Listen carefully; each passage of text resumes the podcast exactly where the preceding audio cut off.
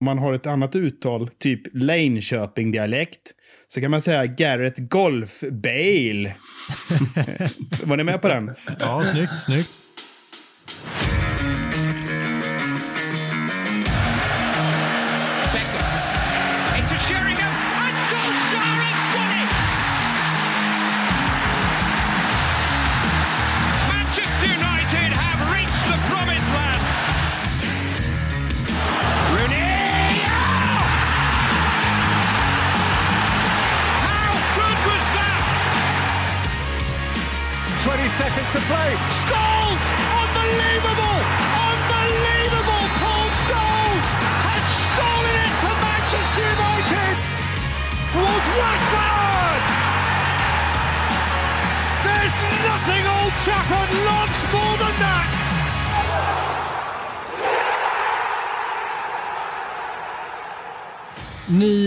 Känna er varmt välkomna till ännu ett avsnitt av United-podden. Podcasten som du inte visste att du längtade efter. United-podden görs i ett stolt samarbete med både den officiella supporterklubben MUS och United-redaktionen på Svenska fans.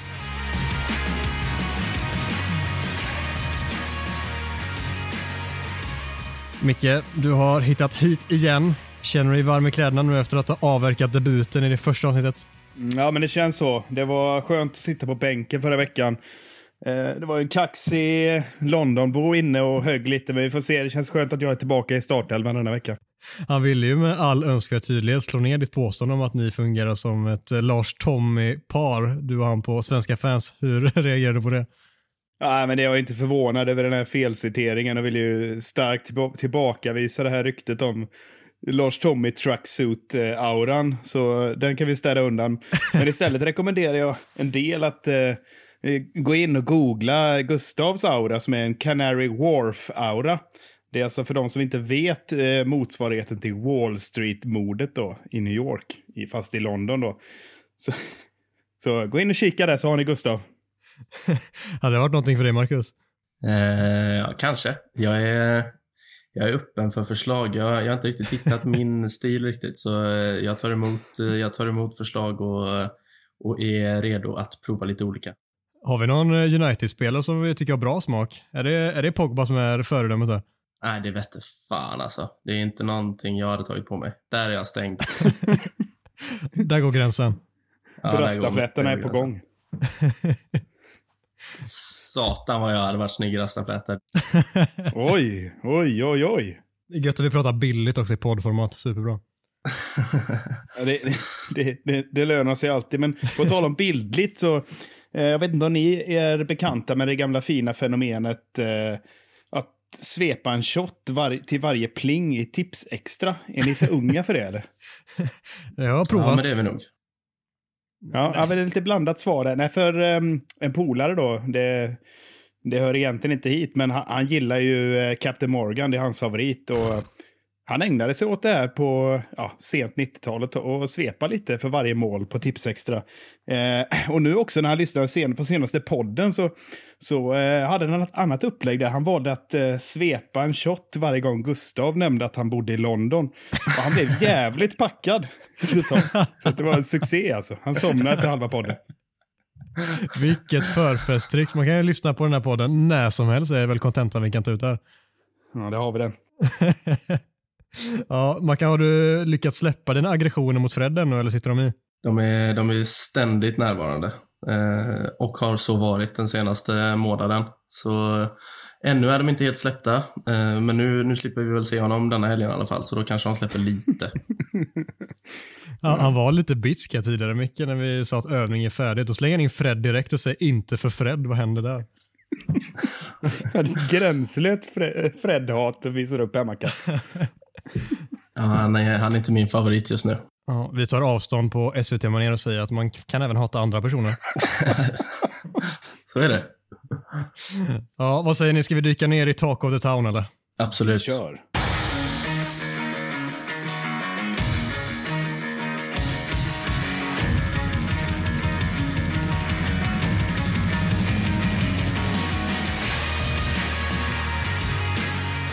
Talk of the Town, poddens ständigt närvarande segment. Det är, som ni säkert har koll på vid det här laget, fem påståenden med aktuella ämnen som vi helt enkelt diskuterar huruvida det är sant eller inte.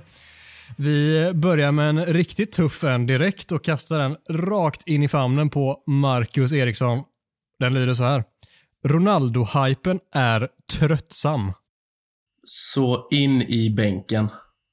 Oj, oj, oj, jag vet inte var jag ska börja. Jag är så trött på det där. Um, och då, det, alltså kanske inte, kanske inte från andra, alltså inte i stort, utan från Manchester United som klubb. Jag tror att 90% av tweetsen, bilderna på Instagram, eh, handlar om Cristiano Ronaldo, vad han gör, hur han ser ut, vad han har gjort någonsin. Gör han mål på straff? Är han världens bästa? Det, får, det, det finns liksom inga gränser. Jag vet inte. Det har, gått, det har gått så långt över gränsen att jag är så nära på att klicka på blockknappen på Man United på Twitter alltså. Så eh, det är ju inte hans fel, utan det är ju mest klubbens fel. Och eh, nu, är, nu, nu har jag börjat tröttna rejält på det där alltså. Vi pratade lite om det förra veckan, om det här med liksom hur klubben marknadsför sig på sociala medier. Jag, jag är helt inne på ditt spår också. Jag tycker det är jättetröttsamt och det, det har varit fine om man slängde ut en eller två, max i alla fall, tweets när han dricker en vattenflaska. Nej, fan det får man inte ens göra, men vad det nu handlar om. Han kanske gör något rekord i landslaget som han gjorde nu senast. Jätterimligt. Släng ut en tweet om det. Fattar. Men när det kommer hundra en tweets, då är det så här, United förminskar ju bara sig själva. De, de ser ju Ronaldo som större än klubben och oavsett om man tycker det är rätt eller inte som säkert eh, andra supportrar kan tänka att Ronaldo är ju större än United, vilket han såklart inte är. Men det går säkert att argumentera för det på något sätt. Det, som klubb så ska man fortfarande inte sätta sig i den sitsen där man förminskar sig själva så mycket. Eller vad säger du Micke?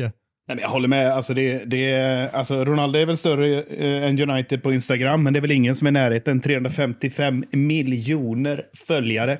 Och, eh, alltså det beror ju på hur man ser det här, men om vi är på samma spår som ni är inne på, alltså de här närmast gudaliknande jämförelserna som kablas ut, det blir ju nästan parodiskt plastigt. Alltså, och som ni säger, den här enorma twitt, eh, Twitter och Instagram-tourettesen som eh, sociala medierna på United liksom har utvecklats till. Alltså det, det är ju... Vi pratade om ryska bottar sist jag var med. Alltså frågan är hur många ryska bottar som följer Ronaldo. Och om det inte är en rysk bot som sköter Uniteds sociala mediekonto. För det här är ju helt, helt absurt. Men äh, tillbaka till Ronaldo igen då. Så personlig, personligen är jag ju direkt svag för nostalgi. Och ur den aspekten så tycker inte jag det, då, då kan man nog ösa på rätt bra med, liksom, med Ronaldo-hype. Men jag menar, vad har vi för jämförelse på liknande comebacker? Jag vet inte vad ni poppar upp i era huvuden direkt så, alltså alla sporter. Jag tänker liksom på Foppa tillbaka till Modo. Det var ett tag sedan nu, men en Foppa utan nej, fotleder. Nej, nej, nej, den går inte alltså. Nej. Var liksom inte nära Zlatan till Milan, nja. Eh, inget vidare. Kanske Zlatan till landslaget igen var lite småmysigt. Men det går liksom inte att jämföra med den digniteten. Så om ni ser det så då, vad, eh, vad tänker ni då när ni tänker nostalgimyset? Kopplat till Ronaldo? Det har jag väl egentligen ingenting att anmärka på. Jag förstår att det är, jag förstår att det är en hype och jag förstår att eh, klubben måste bygga på det på något sätt. Liksom. Men alltså, han gjorde två straffmål på en kvart igår mot Luxemburg och Uniteds Twitterkonto la ut a League of his own. Alltså, jag hade kunnat göra två straffmål mot Luxemburg. Det får liksom räcka. Vad är det för något? Så, eh, nej, jag vet inte fan. Ja, jag, jag tyckte James Ducker, Telegraphs eh, reporter, skrev det jävligt snyggt. Så här, typ att Uniteds Twitter, det går inte att lista ut om det är en eh, Ronaldo-sajt som också tweetar om Manchester United ibland, eller om det är Uniteds officiella konto nu längre. Det går liksom inte. Jag landar ju det första. Det är en Ronaldo-propagandasida som ibland skriver om Manchester United också. Ja, det, det är pinsamt faktiskt. Det... Vad var det du sa, Marcus? Hur många, hur många, eh, hur många tweets var det runt Varans eh, presentation? Jag kommer inte ihåg nu igen. ja, jag vet inte, men de presenterar väl honom 304 gånger på tre dagar. ja, det tycker jag var jävligt kul. Ja, det var en rolig historia i sig. Och de har ju, alltså om de gick i taket av extas på den grejen, då, ja, då är nästa nivå när Ronaldo kommer hem, det, det blir det vi har fått och det är någonting i hästväg. Tänk om han skulle göra mål mot Liverpool eller City liksom. Det hade ju... Ah, oh, shit alltså. Det hade varit minst 100 tweets på en helg då. Om, eh, om Tänk om det var en bicykleta också. Då slår vi nog världsrekord i antal tweets på eh, en timme. Ja, det gör vi garanterat. Men om vi går över lite till alltså, Ronaldo-hypen överlag, för det är ju en stor hype om vi inte bara tittar på Uniteds konto. Tycker ni att den är tröttsam eller är den rimlig? Ja, alltså jag, jag, jag, vet inte riktigt vad jag ska säga. Alltså det vi har pratat om precis som sociala medier. Det går inte att jämföra med när Cantona spelade i, i United eller när David Beckham var som eh, störst och, och liksom hypen var enorm. Då stod de utanför, utanför träningsanläggningen med 4 000 fotografer istället. Men eh, nej, alltså jag, jag tycker det där är så svårt och det börjar gå, det börjar bli så galet nu så att jag har lite svårt faktiskt då helt eh, liksom eh, analysera det här balanserat. Det är nästan omöjligt att bortse från eh, sociala medier-hypen. Så nej, men jag tycker väl det är, det är stort att han kom hem. Sen finns det ju andra kontroversiella saker runt honom som har diskuterats. Så det är, väl, det är väl inget jättekul ämne att ta upp i det här sammanhanget. Men nej, jag vet inte. Jag, jag, tycker det, jag, jag försöker skärma av och tänka att fan vad kul han är tillbaka. Hoppas han gör ett hattrick mot Liverpool. Så då kan vi skriva, vad var, vad var det du sa Adam? Eh, han, den engelske eh, journalisten hade sagt det. Var, jag tycker det är passande. I så fall har man ju hattrick mot Liverpool. Ja, men eh, det är ett Ronaldo-konto som ibland skriver om United. Det är precis så de fungerar. Ja, galet. Det andra kring Ronaldo tycker jag är viktigt att prata om också, men det ska vi inte göra i det här avsnittet, utan det tar vi framöver och tar ett eh, rejält djup, djupdyk i det då istället. Om vi ska landa i någon form av konsensus då. Ronaldo-hypen, Mackan, är den tröttsam? Ja. Båda och jag är lite kluven där. Hypen runt personen Cristiano, ja. Men runt Man United-spelaren, nej, skulle jag säga. Jag landade ja, och det är för att det, jag tycker att sociala medier är en så stor grej idag och det är för mycket för att jag ska kunna se bort för det. Så jag väger över på ett ja. Nästa punkt lyder som följer och den tänker jag den är helt öppen. Det är bara att hugga i den som är mest sugen. Newcastles Saudi-satsning blir ett monumentalt misslyckande. Ja, jag hugger direkt Mackan. Jag är före dig. Snabbare dig. Eh, spontant skulle jag säga att eh, jag både hoppas och tror det. Och eh, jag vet inte, behöver jag motivera det vidare, men jag gör det ändå. Eh, ställer ja. fråga till mig själv här. Kör en monolog. men snart har ju varenda jävla arabland eh, varsitt Premier League-lag. Det börjar bli som monopol. Eh, man går runt där och köper Västerlånggatan och sen köper vad det nu heter för gator. Det är ju, det är ju parodi det här. Och, och nu snackar vi ju pengar med bin Salman, eller vad heter han, prinsen. 320 eh, miljarder pund, är det en korrekt siffra i sammanhanget? Jag vet inte. Mm, jag är rätt säker på att det är så. Ja, det är helt absurt. Liksom. Men om vi bortser från, om vi liksom tar oss an det här och tänker hur går det här då? Jo, bortser vi från managerfrågan, vi plockar bort den ett tag så kan ni få kommentera den. För det, det är rätt intressant. Men oavsett hur mycket pengar de än har så har vi något som heter Financial Fair Play, eller hur? Och vad jag har läst mig till så får man ju lägga max x miljarder 2,5 miljard på tre år tyckte jag läste mig till. Och det kommer du inte långt på om du ska bygga om den här rostiga skorven till en lyxjakt eller vad, vad de nu tänker göra då. Men eh, som jag ser Newcastles lagbygge i dagsläget så är det ju ett kraftigt defensivt balanserat lagbygge med 80-20 defensiva spelare. Och då inte, har vi inte ens kommit till att recensera spelarna. Eh, men vi har ju Sankt Maximin och sen har vi ingenting i min eh, snabbanalys här. Och en renovering skulle jag säga tar minst tre till fyra transferfönster innan man liksom är, börjar se en, ett nytt lagbygge. Och då är det frågan nästa gång. Eh, nästa fråga är då så här, vad, vad, vad är det för typ av spelare de ska ta dit? Vad har vi för hjärtlösa människor utan skrupler som skriver på för degen? Ja, vi har ju en spelare som jag tänker på, om man har ett annat uttal, typ Linköping-dialekt, så kan man säga Garrett Golf Bale. Var ni med på den? Ja, snyggt, snyggt. Han kanske skriver på Garrett Golf Bil. Eh, och sen kanske det kommer någon annan trasig föredetting dit. Men äh, tillbaka till managerfrågan. Jag sätter bara en rubrik. Jag tror att det beror, allting beror på vem som blir manager i Newcastle. Vad säger ni då? Det, det är det som många puckar vill plocka upp där. Jag tycker att den, en av de mest intressanta är, det är så alltså går det att göra det snabbt eller kom, tvingas man ta många år med tanke på financial fair play och det systemet håller man på att göra om just nu och det är väldigt mycket fram och tillbaka hur vad det kommer landa i. Så jag vågar inte spekulera det för mycket för vi vet inte 100% vad det, vad det tar vägen.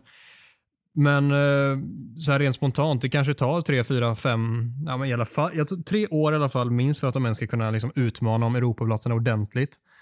Och ja, en tränare såklart är jätteviktig då, men de här andra klubbarna som de konkurrerar med har också mycket pengar och har hela liksom, fotbollen på plats i sportsliga. Ja, jag vet United är inte exceptionella där och inte Arsenal heller och sådär, men det finns många att tampas med och det, eh, det är inte aslätt att slå sig in där. Det har vi sett många som har försökt. Sen är det inga som har haft de pengarna som Newcastle har nu. Alltså de här, det är ju tio gånger mer pengar än vad, eller är det hundra gånger pengar? Det är, det är så mycket mer än vad de här andra ägarna har också, så det, det är så svårt att och jämföra och bena ut i vad det faktiskt kan landa i. Men det, det jag tror är att det jag, jag känner som dig, jag både vill och hoppas och tror att det faktiskt blir svårt för dem i slutändan ändå. Och eh, det kanske är att viljan tar över för mycket för att jag tycker det är så jävla vidrigt att, det, att vi tillåter det gå till så här. För det, det är väl någonstans, det är kanske inte vi tre som sitter här, vi som lyssnar på detta i, i syvende, och, syvende och sist som gör att det tillåts. Men någonstans så, så här, man tittar bara runt på sociala medier, folk reagerar, de sitter bara och diskuterar oj, vilka ska de värva, vad händer, liksom, kan, kan de vinna Champions League nu? Och Det är lite för få som tycker det är så vidrigt som det faktiskt är. Man, man, vet hur hatad Mike Ashley verkligen är när, när man inte reagerar på vem det är som tar över. Mm. Jag tycker väl att det är det som sticker ut mest, att så länge vi är borta med honom så är det skitsamma. Liksom. Det är väl, ehm, det är väl mycket, i alla fall många Newcastle-fans tänker nog så, och utan att lägga för stor eh, vikt i vilka det faktiskt är som sitter vid makten nu. Och det behöver vi inte prata så jäkla mycket om tycker jag, för det, det går bara det är och så punkt slut. Liksom. Ja. Sen eh, på, på deras satsning så tror jag mycket beror på vilka de första spelarna som väljer att ansluta är. Jag tror att det, jag tror att det är jätteviktigt. Säg att de, säg att de jagar Mauro Icardi, Gareth Bale, van de Beek, vilka det nu är. Alltså om, säg om Bale kommer, då kanske Icardi kommer och om Icardi kommer, då kanske den tredje kommer. Så jag tror att det, det, är, också, det är också någonting att väga in, men sen, sen brukar det ju ta jäkligt lång tid innan något sånt här sitter. Så äh, jag är inne på ert spår. Jag hoppas, jag hoppas att det blir äh, pannkaka. Ja, alltså de vill, jag tänker att de ville göra som de andra, typ när PSG slog sig fram. De ville hitta den här riktiga, ja men, vad ska man säga, den som ska leda alltihop som Zlatan blev för PSG, den behöver ju Newcastle identifiera och lyckas få loss också. Och vem det blir, det blir jättesvårt att se. Är Bale tillräckligt bra just nu? Zlatan var ju liksom i sitt esse då när de värvade honom och var en jättevärldsstjärna. Bale är en jättevärldsstjärna, men han är långt ifrån sina fornstora dagar. Så han skulle inte fungera på det sättet, men som du säger som en liten katalysator till att få dit fler bra spelare, absolut. Men jag tror att de både behöver och vill ha in någon, eh, någon talisman som liksom får vara ansiktet utåt för satsningen. Ja, för det finns ju inte i dagens trupp, så det är ganska tydligt att eh, ja, men så fort du får in lite större namn så blir det liksom problem med balansen i laget. Och idag finns det ju ja, Sankt Maximan undantaget då.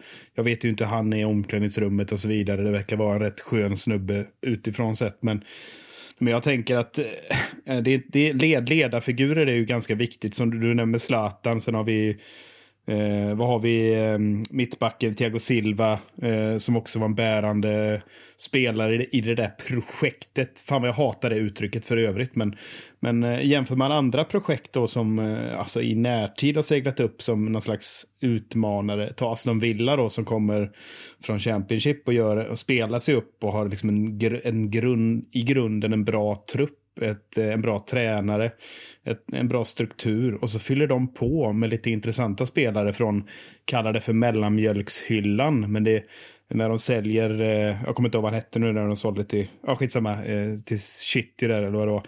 Men ja, de sålde någon. Och så, sen köpte de in fem, fem, fem, sex spelare som är liksom jävligt bra. och fyller på dem in i laget. Det är ju ett sätt att ta sig an där. Det ska bli så jävla intressant att se om de bara köper namn Newcastle. För då, då tror jag det, då kan de ju åka ur. Skulle jag tro. Och tänk, tänk om de åker ur i år och börjar om i Championship. Fantastiskt med Joey Linton. Ja, ägaren vill inte ha kvar någon längre. Nej, men jag, jag, tror som du var inne på tidigare att tränaren kommer göra jätte, jättemycket vem de får in där och låt se vem som vill ta tag i det här och nu. Det känns som att många lite så avvaktar och ser vad, vad, många osäkra, vad blir det av detta? Det kommer bli en stor satsning, men på vilket sätt? Ingen vet riktigt. Det, det kan nog dröja in lite innan de får in ett riktigt uh, stort tränarnamn. Jag tror, jag tror Conte hade älskat det. Han är Kanske. så jäkla, han är så jäkla, så får jag inte honom så vill jag inte vara kvar. Och nu, nu kommer han ju peka på vem som helst och så kommer de göra allt för att värva honom och funkar inte det så kanske Conte är kvar där ett halvår och sen lämnar han för då, då har han tröttnat. Mourinho Det- hade det ju inte varit uh, feg annars om han var eh, free agent just nu. Det var det första jag tittade på. på. Var, var första jag tittade på. Om ni skulle sätta, har ni varit inne och kollat på spelbolagssajterna och sett vad de har satt för odds på tränarna? Det är väl inte så många lediga, men vad har vi för odds på Conte? Är vi nere på 1,80 eller? Jag tror att det var väl han, Lampard och Lucien Favre som var de tre eh, huvudkandidaterna i alla fall just nu. Okej. Om vi går tillbaka till huvudtesen då. För att det ska bli ett monumentalt misslyckande som faktiskt är påståendet, vad, vad krävs då? Vad är ett monumentalt? Är det att de åker ur eller är det ett monumentalt misslyckande om de bara aldrig når Europaspel ens? Jag skulle säga det är klart att det är ett enormt magplask som skulle åka ur. Jag tror det är större risk att de åker ur i år. För i vinterfönstret nu, jag har ingen aning hur mycket de kan slänga in då och försöka rädda säsongen. Men det ser inte sylvast ut eh, hittills. Men jag skulle säga att eh, inte nå Europaplats inom tre år är ett monumentalt misslyckande. I mina ögon. Ja, jag köper den eh, definitionen. Då har vi i alla fall benat ut vad, vad som är ett monumentalt misslyckande.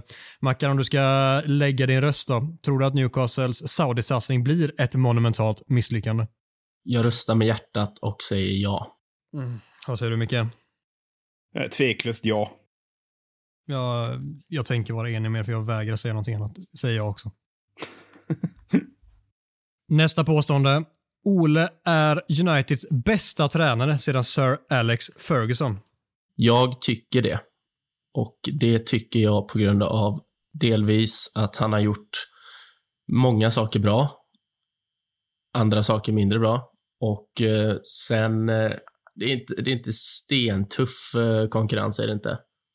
Mourinho vann några titlar, men eh, det var en otroligt deppig stämning runt hela, runt hela klubben då. Eh, Ja, både, fan. både spelmässigt, akademimässigt och eh, ja, allt var, det kändes deppigt liksom. Louis van Gaal, eh, jag älskar honom, men det funkar inte riktigt. Och David Moyes behöver jag väl knappt ta upp va? Han, hans namn har vi sagt för många gånger redan nu, så där stannar jag. Ja, jag kan, jag kan bara fylla på där. Alltså, eh, vi fick in en lite rolig vinkel från Micke Österdahl på MUS där som, som, som hade någon, ett förslag på rubrik där eh, som man kallar det klassiska greppet eh, Fuck, marry, kill. Det var ett skönt sätt att se på det. Jag tänkte det hade varit kul om du Macken kunde ta oss igenom den processen för Moise, eh, om du inte vill nämna honom. Så, om vi sätter kontexten eh, fuck, marry, kill. Vad skulle du säga för olika tidpunkter då som, som han föll under? Vad föll vi för? Ja, alltså för att jag skulle ha David Moyes på fuck där, då hade det nog krävts en eh, hel del öl i kroppen. Och eh, så han, eh, han dödade vi ju. Eh, och eh, sen, eh, sen gifte jag mig med van Gaal. Han verkar så jäkla härlig. jag, tror, jag tror vi hade passat varandra väldigt bra. Och eh, ja, sen blir det ju då att jag hoppar i säng med Mourinho och det är väl inget fel med det, tänker jag. Han är väl perfekta Stiligt. one night standet. Han kommer in, vinner några titlar och så sticker han igen. Ja, exakt. Sen självförtroendet är det inget fel på hos honom där, så jag tänker jag låter honom styra och, och, och, så, och så låter jag, jag låter mig hänföras av honom och så blir det säkert en eh, kväll som jag kommer komma ihåg för alltid. Så, så den kör vi på. Men det här med kill, det kom vi inte in på. Eh, definitionen av det kanske vi behöver reda ut först. Skakar du galler för att göra det av med Mourinho på riktigt? Eller, eller kill i form av att eh, göra slut? Jaha, du tänker så. Moyes där menar du? Ja, eller vem du vill. Nej, han är inte värd att skaka galler för, det får man ju, det får man ju säga. Men, eh, ah, fan. Fast det fanns ju stunder när han var i klubben och då tänkte jag fan jag vill döda honom alltså.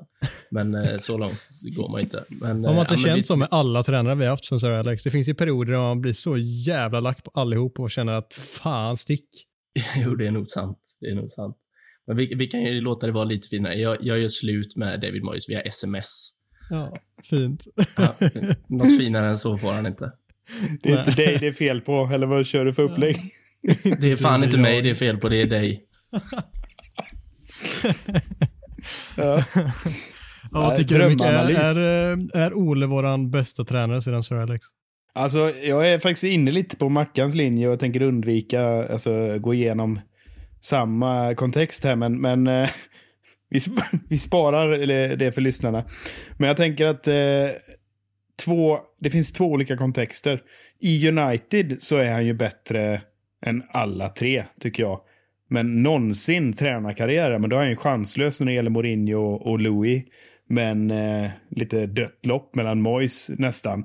Så Ola har ju en del att bevisa, men nu pratar vi om kontexten United och då skulle jag säga att ja, trots att det inte är några titlar in på kontot än så är han ju vassare än de här.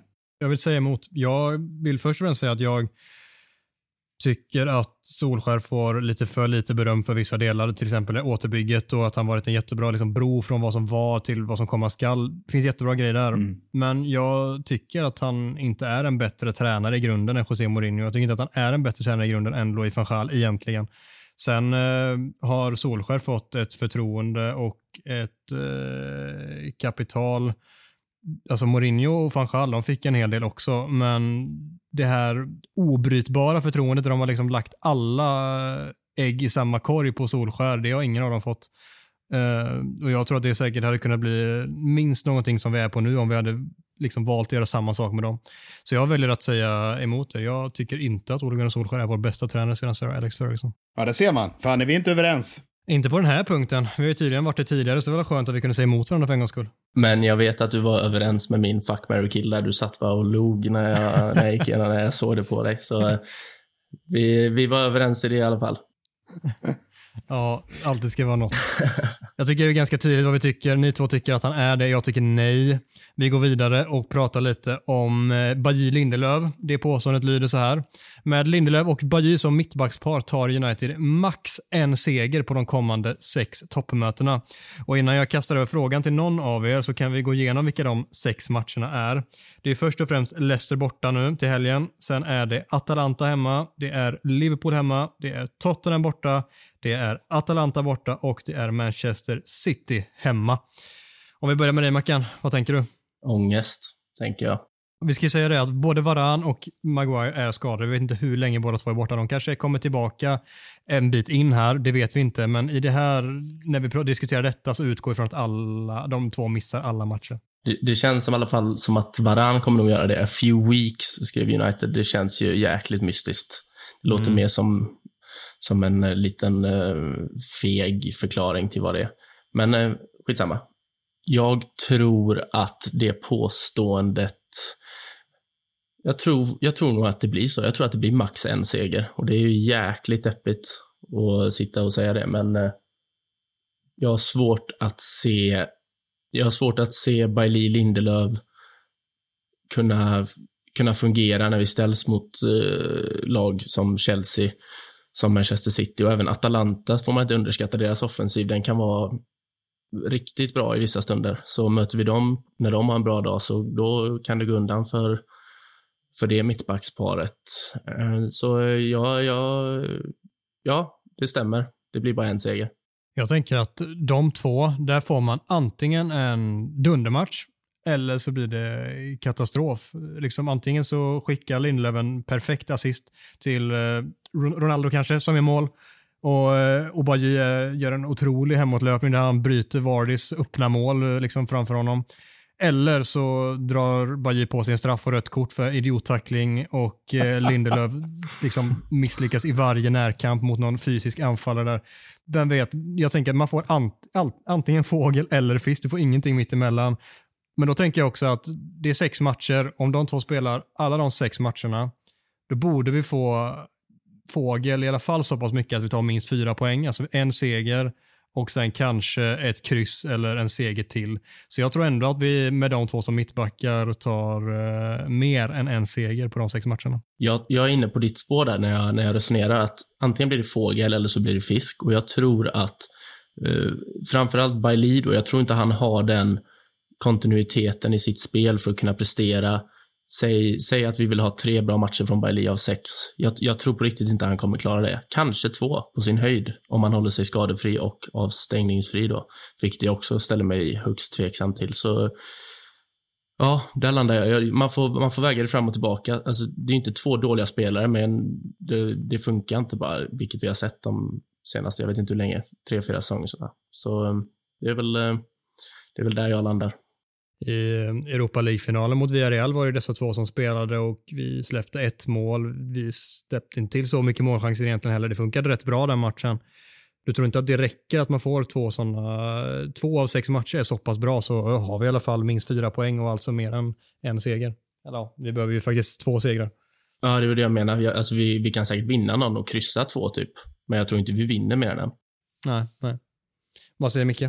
Oj, oj, oj. Alltså, det är grov ångest här. Det, och en obehaglig tanke slår mig. Det är ju, det är alltså, vi snackar en baksida ifrån att Phil Jones eh, spelar i Premier League. Va? Han är med i Premier League-truppen, men inte, inte, Champions, inte Champions League. Men nej, alltså, det kan bli ännu värre. Och, och som vi är inne på, som ni är inne på här, vi, vi snackar alltså sex matcher som de kan tänkas starta. Och då pratar vi alltså i stort sett tre matcher i veckan, förutom någon, någonstans där på slutet där det skiljer en vecka mellan Liverpool-matchen och, och ja, vad det nu var, nästa Tottenham eller vad det är. Eh, men eh, jag ser sto, stora bekymmer eh, och Maguire eh, stressa tillbaka honom eh, och kasta in honom i ett derby mot City. Ja, det vet fan alltså. Så att jag ser... Eh, det, kan, det kan vara en riktigt jobbig situation för, för Solskär eh, att gå in och möta City med kanske noll poäng på några matcher. Vi, vi får göra tre mål per match. Förlåt, men tänk att sista matchen är mot City där och Bajy som var glaskropp, han är väl förmodligen skadad till den matchen. Han kan inte spela ja. sex raka matcher, jag kan inte se det hända. Och så är de andra två inte tillbaka, så är det Lindelöf och vad har vi för alternativ? Teden Mengi som eh, förvisso varit uppe och tränat med Englands A-trupp hela veckan här nu, vilket är roligt. Men spelat eh, liksom ingen Premier League-fotboll egentligen att tala om. Och sen har vi, ja men då är det kanske Phil Jones eller så är det Nemanja Matic ner dit. Mm. Kanske Scott McTominay som har spelat i treback i Skottland. Det är sådana mm. otroliga nödlösningar som jag inte ser att den här, det här laget har liksom den tryggheten i sin, sitt grundspel för att det ska fungera. Det är väl mycket där man äh, väger in, eller det är där mycket, jag väger in mycket av det jag, av det jag, varför jag tror att vi bara tar en vinst. För hade det varit ett fungerande lag som Liverpool när van Dijk, Gomes och vilka det nu var, äh, var borta, då trycker de in två stolpskott där i mitten och så funkar laget ganska bra ändå. Liksom. Så vinner de i alla fall två matcher av sex. Ja, precis. Och eh, det händer ju inte i United. Ja, kanske en och annan 2-7 mot Aston Villa också. Mm. Och då, då, spelar van Dijk också. Ja, just det. Då spelar Så, eh, Ja, det var helt absurd den. Ja, nej, alltså jag landar i, jag gör snabbt överslagsräkning. Jag skulle tro på att vi, vi, vi slår Leicester och tar ett par kryss mot, eh, mot Tottenham och, och, eh, och i, mot eh, Atalanta och sen är det torsk. Det, jag, jag går ut hårt och tror, jag tror på nattsvart utfall här. Och Marcus, du vet att du inte tror heller att vi tar mer än en seger. Jag tror att vi tar exakt två segrar på de här matcherna, kanske ett kryss och sen resten torsk. Det är muntert här, eller hur? Kul! Ja. Se fram emot den här eh, raddan med matcher. Vilka vinner ja, mot Adam? Vilka vinner mot? Mm. Vi vinner mot Atalanta hemma och vi vinner mot uh, Leicester borta. De två nästa matcherna då, sen är det fan mörkt alltså. Exakt. Sen, ja, kul. Härligt. Det blir roligt. Ja, det kanske är potential att någon av dem byts ut mot Tottenham för de är inte heller jättebra på fotboll. Det låter som att vi håller på Burnley. Det är Burnley-podden vi har hamnat i här. ja, just det. Sa vi inte det i början? Sean Dyche kommer in. ja. ja, vi hade vi hade rockat en sån podd också. Just det. Hur många röda kort eh, får Ben Mee i år? Det är liksom det vanligaste ämnet i Burnley-podden. ja, hur många spelmål gör vi inte de fasta situationerna? Stackars Burnley. ja. Ja, nej. Vi, eh, vi går vidare. Jag tycker att vi var ganska tydliga med vad vi tänker kring den. Vi har ett sista påstående som jag tycker ska bli väldigt roligt att diskutera. En Marcus Rashford i full matchform är given i startelvan. Ja, men eh, någonstans i en underbar verklighet då, där eh, ingen är skadad eh, och alla är i full form, så då anser jag att Rashford ska spela. Alltså nästan oavsett position. Och det grundar jag egentligen på att dels konkurrerar han på tre platser direkt som man skulle se. Bägge kant eh, eh, eh anfallspositionerna och även eh, som nummer nio eh, är han ett fullgott alternativ.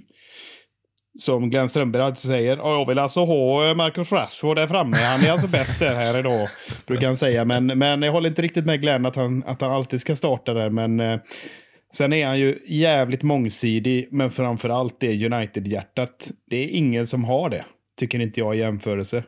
Möjligen kan Bruno in där och kvala in till att visa hjärta. Men annars så, han ska bara in i laget.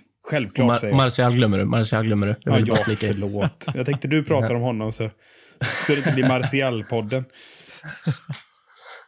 Vad säger du Marcus, tycker du också att han ska vara given i startelvan? Jag är så, eh, här är jag, eh, kanske sticker ut lite, men jag tycker ju egentligen inte att någon ska vara given, eh, om- om vi börjar där. För jag tycker att prestationerna ska få bestämma vem som ska spela och vem som inte ska spela. Bortsett från kanske att Bruno Fernandes har gjort två dåliga insatser de 50 senaste, så jag köper att han startar varje match.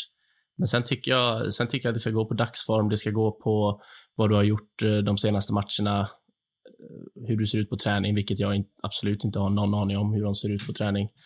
Förutom att Fred förmodligen briljerar. Sen, ehm, så jag, jag, för att svara så kort jag kan, jag tycker, eh, jag tycker att han, eh, är han i bra form och eh, är fit for fight från alla sina skador som han haft de två senaste åren, då är hans högsta nivå så hög att han ska starta. Men att han ska vara helt given oavsett vad, det vette tusan alltså.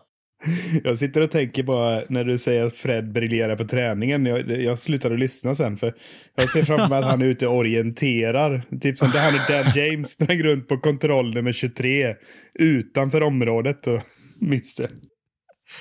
Ah. Ja, de var nog eh, riktigt goda polare va? Ja, de gör maran på under två timmar liksom. Ja, det, jag, jag, jag är inne på ditt spår också Marcus. Jag, jag tycker inte någon ska vara given där framme och särskilt när vi har så, så bra spelare. För om vi säger att Rashford ska bli given och då kan man lika gärna argumentera för att Sancho eller Greenwood ska vara given så småningom också. Och sen blir en av dem utelämnade helt och då är det mycket bättre att ha den här sunda konkurrensen där alla tre får konkurrera med varandra och även anfallspositionen där vi även har en Cavani att eh, laborera med. Så eh, jag tycker inte, även om han är i full matchform, att han ska vara given i startelvan. Sen eh, älskar jag Marcus Rashford mer än någonting annat förmodligen, vilket gör att så här, startar han, jag kommer alltid vara jätteglad. Och jag, av den anledningen så tycker jag fan, spela honom vad som helst, låt han spela, han, han är bäst. Men ska vi spetsa till eh, frågeställningen? Jag kastar in en brandfackla här. Vem är bäst då? Alla är i toppform. Vem utav wingers, eh, säger, vi kallar dem så, då, är bäst, säger ni då i United? Då snackar vi inte potential, vem som kan bli bäst, utan vem som av det vi har sett idag, dens högsta nivå är bäst. Ja. Kan bli en lång tystnad där och grubblande. Det är synd att Daniel James inte är kvar, annars hade man ju haft en solklar. Nu köper han sig mer tid här med lite Danny James. så. Nej, men det är nog, eh, det är nog Rashford, va? Sen, eh, jag älskar ju Jadon Sancho. Jag, jag tror väl egentligen att han har högst nivå i sig. Om han är omgiven av rätt spelare. Men eh, jag landar nog ändå i Marcus Rashford, faktiskt. Ja, äh, jävlar vad svårt. Det är typ det svåraste beslutet i mitt liv här, Micke. Sorry. För att, att välja ut någon av dem gör att jag väljer bort någon som jag tycker så jävla mycket om. Men eh, jag får se det, jag tycker om er ändå, även om jag väljer bort er. Och så... eh, Fan Marcus, jag hatar att hålla med dig. Jag säger Marcus Rashford också.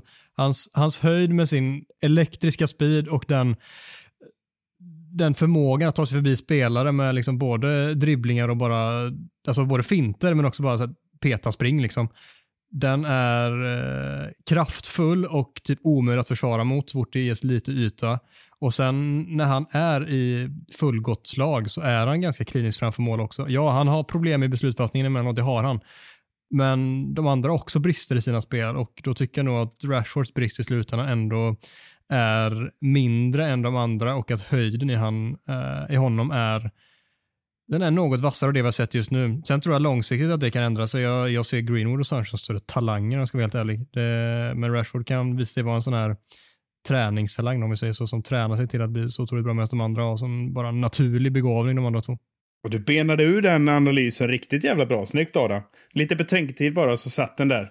Och det, då fick jag, fick jag in här ändå att eh, Rashford kanske inte är given har vi ju inte sagt, men han, kan, han kanske är bäst i alla fall. Ja, om han är, ja, om alla är allra bäst av det vi har sett idag så är han väl det.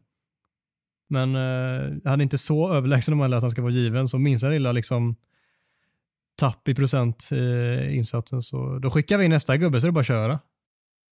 En fronttrio med Rashford, Greenwood och Sancho hade jag verkligen velat se innan den här säsongen är slut. Mm. Det hade varit... Eh, Det, det, det är nog, alltså om jag får välja min elva, då är det de tre jag plockar in där. Framme. ja, tänk vad 100%. underbart. Ställa om mot City med de tre där fram. Ja, Jävlar. God natt. Då kan Laporte sitter och ut gräs massa och- bilder på Ronaldo på bänken också. Det är en otrolig. Det har varit perfekt. Det var Vad sa du, som Adam? dirigerade. Käka gräs? ja, men Laporte sitter och käkar gräs och backen när Greenwood har tunnlat honom och Rashford springer cirklar runt eh, Cancelo. Det blir så fint va? Det ser vi fram emot. Ljuvligt. Vackert. Vi, vi landar i en konsensus. Micke, vad säger du? En Marcus Rashford i full matchform är given i startelvan. Ja, Mackan? Nej.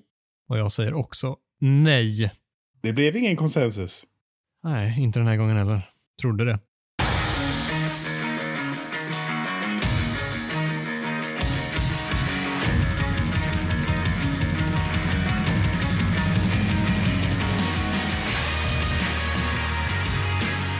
På lördag klockan 16.00 spelar United äntligen fotboll igen då Leicester får besök av Ole Gunnar Solskärs fagra Skara. Först och främst, visst är det lite extra trevligt med en lördagsmatch 16.00. Ja, men det är ljuvligt för fan. Eh, på tal om pling där. Då kan man ju sitta och, och eh, shotta till eh, Uniteds alla mål som vi kommer göra i första halvlek. Så jag tycker det är utmärkt. Eh, det blir lite tradition kopplat till, eh, till, eh, till shottandet helt enkelt. Vad, vad tänker ni runt 16? Att det är den bästa, att det är den bästa tiden. Mm. 13.30 så eh, det är upplagt för fiasko. Känner jag bara varje gång vi spelar tidigt. Ja, man vet att det blir så. Alltså, det blir ju poängtapp oavsett. Luke Shaw har sovit till eh, kvart i eh, elva. Han vaknar alltid två minuter innan samling och bara springer ut. Oh, fina. Trycker i sig tre pannkakor och bara kör. Vilken stjärna. Underbart. Kalla pannkakor från kylen. Färdigsyltade. Han kör ju sylt och socker. ser man ju på honom. Som han älskar. Ja. Det var väl Och vi grej. älskar att han älskar det. Det var Ja. väl en grej där med, med vem fan var det som satte han på diet? Var det Mourinho? Han käkade bara skräpmat grabben. Mourinho hatade ju Luke Shaw också ska vi säga, så han var väl inte den mest eh, kanske ofärgade i frågan. Han fick hacka is längst ner i, i frysboxen och dra i sig. Gick han ner i? Stackars, den- eh, stackars, stackars Luke Shaw då alltså. Fan, det var ju mobbning typ. Ja, ja, det var ju mobbning. Alltså, jag kommer aldrig glömma presskonferensen efteråt någon av matcherna när Luke Shaw äntligen fick chansen. Han gjorde en rätt bra match och Mourinho säger jo, men det var för att jag fattade alla beslut åt honom. Jag stod och skrek till honom vad han skulle göra på planen. Så kan du inte bara liksom ge honom, han gjorde en bra match, det var kul att se. Äntligen gör han det som vi vill att han ska göra. Nej, nej, nej, vi såg honom längs fotknölarna en gång till och så rätt ner i den där jävla frysboxen igen. Ja, fy fan, stackarn. Usch. Ja, det var så synd om honom. Därför var det extra kul förra säsongen när det gick så fruktansvärt bra helt plötsligt. Därför är han värd lite pannkaka med sylt och socker just nu, tycker jag. Kalla pannkakor, ska jag Ja. tillägga. Han hinner ju inte värma dem. Nej, just det. Ja, nej, det är 16.00. Det, det är något visst med det bara. Det, är- det är svårt att beskriva för mig varför egentligen också, men det är väl det här klassiska bara med att det är det är stryktipset, det är perfekt matchtid på lördag. Efter det så kan man hitta på något skoj med kompisarna, man kollar matchen ihop. Det, det finns så mycket i det som, eh, som jag älskar. Precis så. Exakt. Micke, om vi går in på matchen i sig då. Leicester på bortaplan. Hur går de spontana tankarna inför den? Ja, vi har ju berört eh, eh förutsättningarna med, med de bakre regionerna som ser minst ut sagt stökiga ut inför uppgiften. Men eh, Baye är ju snabb och kan fånga upp Jamie Vardy, den gamla Duracell-kaninen. Men äh, jag vet inte fan. Vi brukar ha relativt lätt för Leicester har jag, har jag fått för mig. Så att det klassiska eh, haspla ur med en av de här flosklerna som man alltid säger. Får vi första målet så, så kan det då bli ganska trevlig eftermiddag. Får vi inte det så eh, ja, då blir det ju snarare tvärtom.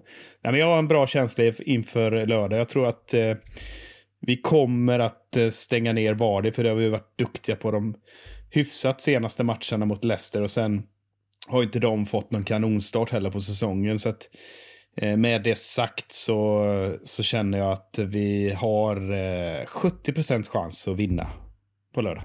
Alltså, jag vet inte om din magkänsla stämmer riktigt. Senaste tre matcherna har vi två torsk och ett kryss mot Leicester. Ja, det ser jag. Jag har då, lika dålig koll som vanligt, men du är alltid påläst. men jag har ändå känsla att Leicester är lätta.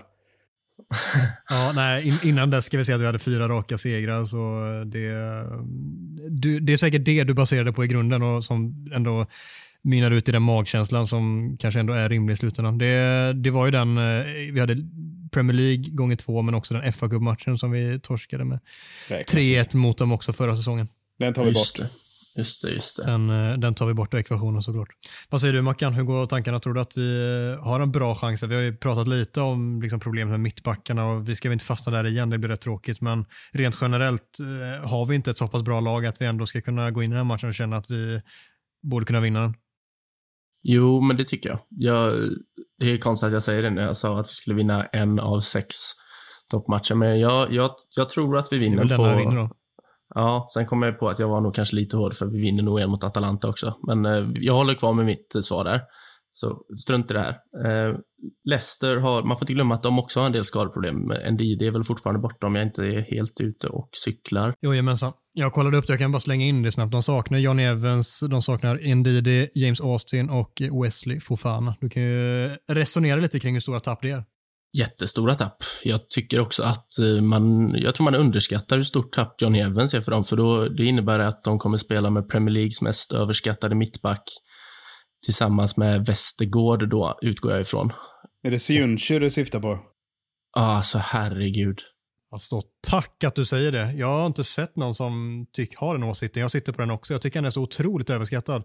Liksom den här... Eh, det snacket som gått liksom att ja, de sålde Maguire för 80 miljoner och fått in en bättre mittback. Nej. Man vill kanske som utomstående supporter att det ska vara sanning för det är lite roligt, men det stämmer ju bara inte. Nej, han är... Jag har aldrig sett någon, någon sorts höjd i honom. Jag tycker, jag tycker ju att han, han är en spelare för alltså, bottenlagen. Eh, men eh, ja, eh, då landar, alltså Ndidi också, fantastisk spelare, jättestort tapp. Ehm, eh, och James Justin som var en av deras bästa spelare förra året, är också ett stort tapp. Likaså Fofana som eh, var grym sen han kom. Så jag, jag, tror att, eh, jag tror att jag är inne på mycket spår. Jag, jag ser oss som, inte stora favoriter, men som ändå favoriter till ja, 65-70 procent. Så ja, jag tror faktiskt vi vinner på lördag. Hatar ju när vi är positiva för det, det har gått så bra det innan. Det känns aldrig bra. Ja, det har gått jättebra det senaste, så allt talar för att vi vinner den här matchen, eller Ja. Insatserna mot eh, Everton och Villarreal var ju eh, slående bra. Gått på repeat här hemma under landslagsuppehållet. Man har bara suttit och fått visst, gåshud. Visst, ja, men vad, vad ska vi se upp med hos Leicester? De saknar en del spelare, men det finns fortfarande en del bra. Vardy såklart. Ja.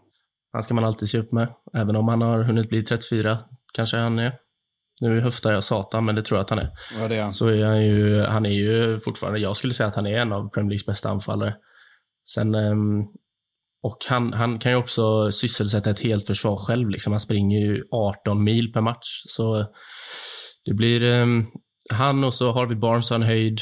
Ehm, sen vet jag inte vem som spelar till, vilka, vilka ställer de upp med? Vardy, Barnes och Madison lirar väl va? Madison har vi spelat.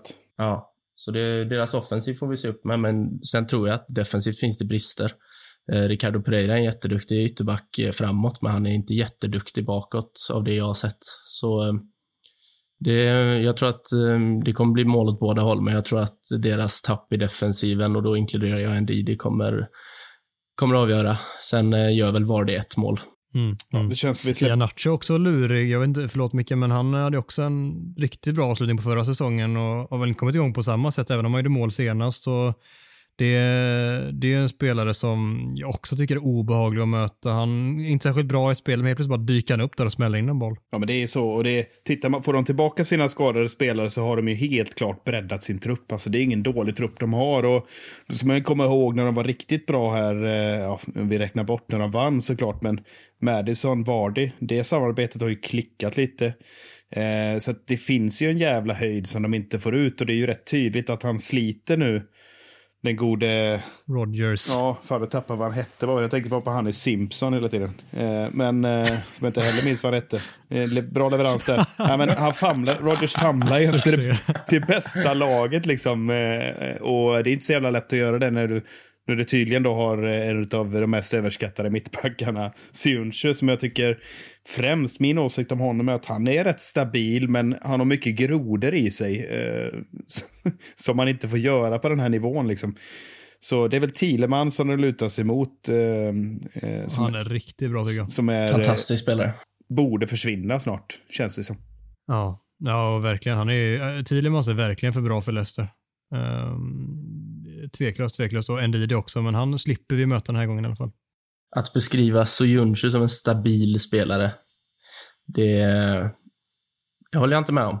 Nej, jag vet, jag, nej, nej, det går inte. Men jag, jag tycker så här, han är ändå så här, han är ändå rätt bra på huvudet och placeringssäker så. När, när laget har fungerat så har han ändå varit okej. Okay. Det jag framförallt tycker att han enormt eh, låg lägstanivå. Det är det jag har snubblat över så. Det är kanske det jag menar att nivån bara dippar så enormt då och då. Det, det så han är väl i behov av en lugn eh, och fin eh, mittback bredvid sig och Västergård, jag vet inte.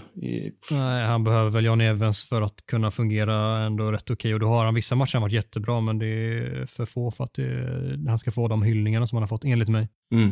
Vad blir nyckeln för att vinna matchen? Är det att få, få stopp på Vardy eller är det bara vårt egna spel? Vårt egna spel, få igång anfallsspelet blir jätteviktigt. För det finns brister i Leicesters försvar och de måste vi utnyttja och vi måste få upp rörligheten, vi måste få upp bolltempot och spelglädjen. Alltså det har ju sett dött ut de senaste matcherna så det är klart att man måste fokusera på, på defensiven och motståndarna i någon grad också, men det är, det är vårt egna spel som måste klicka. Klickar inte det så kommer vi inte vinna. Det spelar ingen roll hur bra vi försvarar och hur eh, dåliga Leicester är för dagen. Mycket att tro att vi ställer upp. Det känns ju som att backlinjen ändå är ganska självklar nu med Shaw, Lindelöf, Bajy och Wan-Bissaka och så är det ske mål. Men mittfältet, blir det... Får vi, får vi se McFred igen? Jag tror faktiskt inte det. Jag tror att eh, Eh, Eh, Fred kommer inte att starta. Jag tror vi ser McTominay Pogba där på, på mitten. Och, och, och sen eh, så är det Bruno såklart framför. Och sen tror jag Sancho och Greenwood startar med, med eh, fenomenale Cristiano på topp. Det, det är mitt stalltips, men eh, jag tror Fred eh, behöver nog... Eh, även, även blinda människor såg ju att han gjorde bort sig rejält sist. Och, eh, jag är svårt att se han ta en plats. Det kommer flera matcher där han passar bättre framåt här, men eh, jag tror inte han startar. Om Fred startar på lördag efter att ha spelat match på fredag natt, då betyder det att han har någonting på Solskjaer, han har en hållhake där. Det måste vara någonting, för det ja. kan inte gå. Det, var det ska inte gå. Och precis den brasklappen jag skulle säga innan. Så han ska spela match, var det natten till, eh, till fredag klockan 02.30, typ, då är det Uruguay-Brasilien, vilket gör att både Fred och Cavani troligtvis inte är speldugliga mot, eh, mot Leicester natten till fredag. Så eh, det känns väl väldigt osannolikt att vi får se någon av dem faktiskt. Ja, jag glömde faktakolla det, för bipa det jag sa där om, om Fred i början där då. Vad, men du, vad sa du i övrigt? Du tror du Sancho, Greenwood och eh, Ronaldo? Yes. Du tror inte Rashford eh, får start direkt utan han hoppar in i så fall? Han gjorde väl två kassar här i någon behind close doors match. Va? Var det Blackburn vi mötte eller vad var det för något? Stämmer, stämmer. Men eh, jag har svårt att säga att han startar, men däremot lär han garanterat få en kvart minst. Jag hoppas han är redo för mer än kvart. Det var kul att se honom i alla fall en 30 minuter. Hade jag gillat. Vad, vad tror du Mackan? Mittfältet? Vad, det känns som att det på något sätt blir nyckeln ändå. Ja, nej men med, med Fred borta så utgår jag från att Pogba och McTominay spelar från start. Det hade, det hade förvånat mig faktiskt om Matic kliver in och tar en av de platserna, men eh, ja, Ole har ju förvånat innan, så stänger väl inte dörren helt för Matic och Pogba eller Matic och McTominay och så Pogba på en kant. Men jag, jag, tror, jag tror att vi startar som, eh, som Micke sa. Jag tror att Sancho och Greenwood får, eh, får chansen på varsin kant och så Ehm, så han, eh, som vi har nämnt tidigare i podden här, eh, på topp. Och så såklart Bruno som offensiv mittfältare. Mm. Är du överens med oss, Adam? Ja, ja. nej det, det är inte mycket att säga emot. Jag, jag tror fortfarande att det finns en chans att Matic startar. Han uh, har varit där och tränat också under hela uppehållet. Det känns inte omöjligt att de har jobbat med något inför den här matchen där han uh, ska få en viss roll möjligen. Det, utan att ha faktakollat det helt, har jag magkänslan att det har skett tidigare efter landslagsuppehåll när han har varit eh, hemma på Carrington och tränat ordentligt. Att han får eh, chansen i första matchen därefter. Men eh, vi får väl se. Men jag tror att den kan nog vara ganska öppen, 50-50 mellan honom och McTominay. Men i övrigt så det är svårt att se någonting annat än det ni har rabblat upp. Hade väl såklart varit kul att se Martial få starta igen. Det är ju målgaranti när han spelar, vet vi om. Så eh, jag är inte helt emot Martial ute på en vänsterkant. Ett mål på en start. Målgaranti. Som sagt. Ja, det, det, statistiken ljuger aldrig. ja, då fick du in din uh, Martial-vurmande också. Kul för dig. Micke, vad vinner vi med? Jag tror vi gör uh, tre mål och då, då, jag tror inte Leicester gör mer än ett, så 3-1 säger jag då. Marcus, hur många mål gör Greenwood? Han gör två. Jag har sagt det varje gång tror jag. Så eh, någon gång ska jag ju få rätt. Så han är två. Till slut sitter det. Till slut ja. sitter det. Härligt. Med det sagt så tackar vi så enormt mycket för att ni har lyssnat på även detta avsnitt av United-podden. Micke, du är ju urkass på det här med mejladressen, så istället frågar vi Marcus, vad vänder sig folk om de vill skicka in frågor eller bara lite god feedback? Unitedpodden official. Micke, vad är domänen? At gmail.com. Det är du Gustav. Vackert, du kan ju. Du kan ju. Pluggat så in i bänken de här två veckorna. Det märks, det märks. Följ oss jättegärna på sociala medier. Vi har haft två stycken tävlingar nu eh, inledningsvis och det kommer garanterat dyka upp fler så småningom också. Och vi skulle önska att ni skickar in lite goda förslag på ämnen som vi kan diskutera i Talk of the Town. Vi kommer hädanefter att skicka ut frågan inför avsnittets inspelning och så är det bara att skicka in era förslag där så ska vi gotta oss i dem inför avsnitten. Tusen tack för att du har lyssnat och ha en fortsatt trevlig vecka.